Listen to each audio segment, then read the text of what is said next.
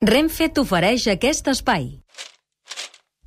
Anem tard, anem tard, anem tard. És el lectoral i a Mario Serra. Bon dia. Bon dia i bona hora. Llibres llegits, rellegits i fullejats. Amb Sí, què comencem? Mira, comencem amb un llegit després de vist i il·lustrat amb una veu que és el rei. Walk on through the wind. Walk on. Estic per prendre-te'l. Suposo que l'has vist.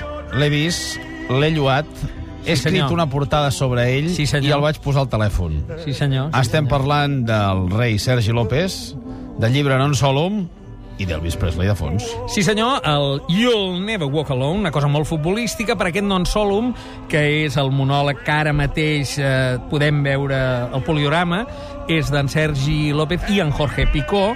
A veure, és molt poc habitual que des d'aquí parlem de textos teatrals. Jo penso, jo sóc dels que crec que els textos teatrals són les instruccions d'ús i que s'ha de veure al teatre.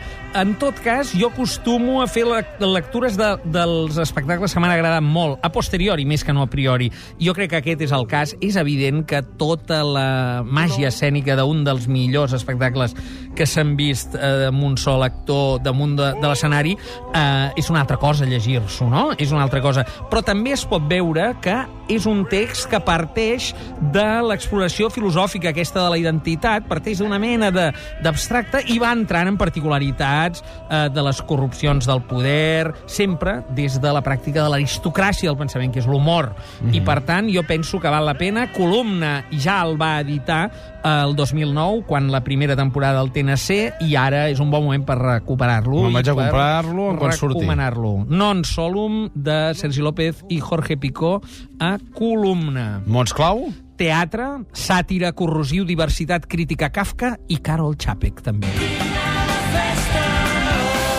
Els pets ens il·lustren el rellegit. Avui rellegim un clàssic, però que per primera vegada ha estat traduït al català.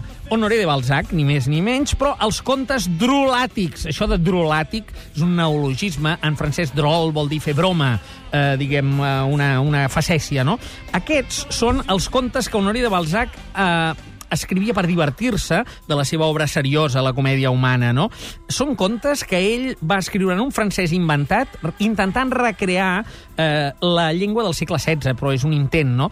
Eh, és un homenatge a Rabelais, entre altres coses, que és el gran pare de la llengua carnavalesca francesa. Aquí tenim la traducció de Jaume Hortolà, que és digna d'elogi, hi, hi ha un estudi que ho explica, perquè és molt difícil de traduir això, i llisca molt i molt bé, és molt divertit. Està publicat per Riu Rau, que és una petita editorial, que és el projecte d'aquest traductor, d'en Jaume Hortolà, i hem de dir que és una diguem, obra que ens sorprendrà. Hi ha 30 contes, ell en volia fer 100, es va quedar amb 30, però són absolutament Tot i així, eròtics. que hi ha 400 pàgines. Sí, esclar, era una altra època, diguem, s'escrivia més llarg, Sí. sí. eh?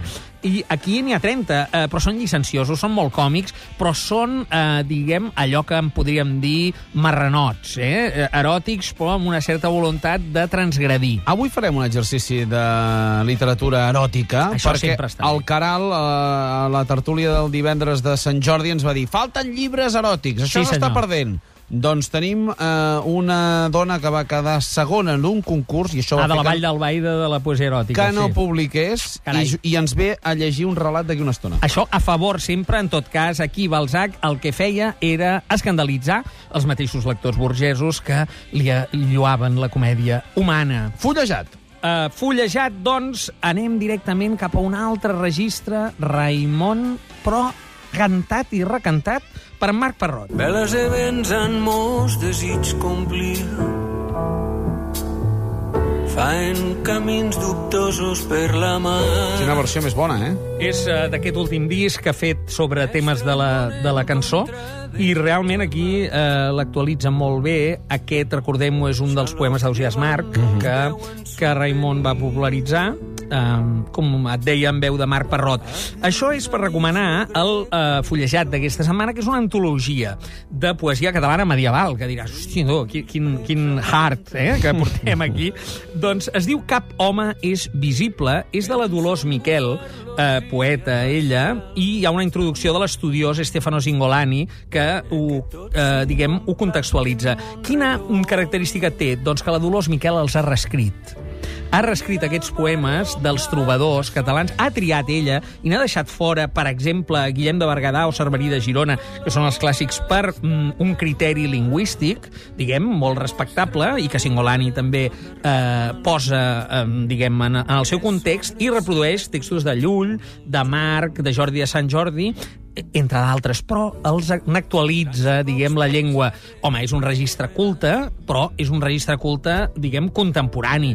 Vol dir que qualsevol lector amb un mínim de, per entendre'ns, de, de nivell cultural, en, en pot gaudir d'una manera eh, profunda. Mentre que en la versió original val a dir que comença a ser ja una llengua molt llunyana i que si no se n'és un especialista hi ha com una distància de vegades de dir mm, em perdo bona part del sentit. Per tant, és una operació que aplaudim, és una operació de recuperació que edita Edició 62 i una antologia molt recomanable eh, per llegir a tastets, per tant, per fullejar, per agafar un poema d'aquí, un poema d'allà i tornar al nostre rica tradició de poesia catalana medieval. Cap home és visible. Dolors Miquel. Màrius, moltíssimes gràcies. A reveure.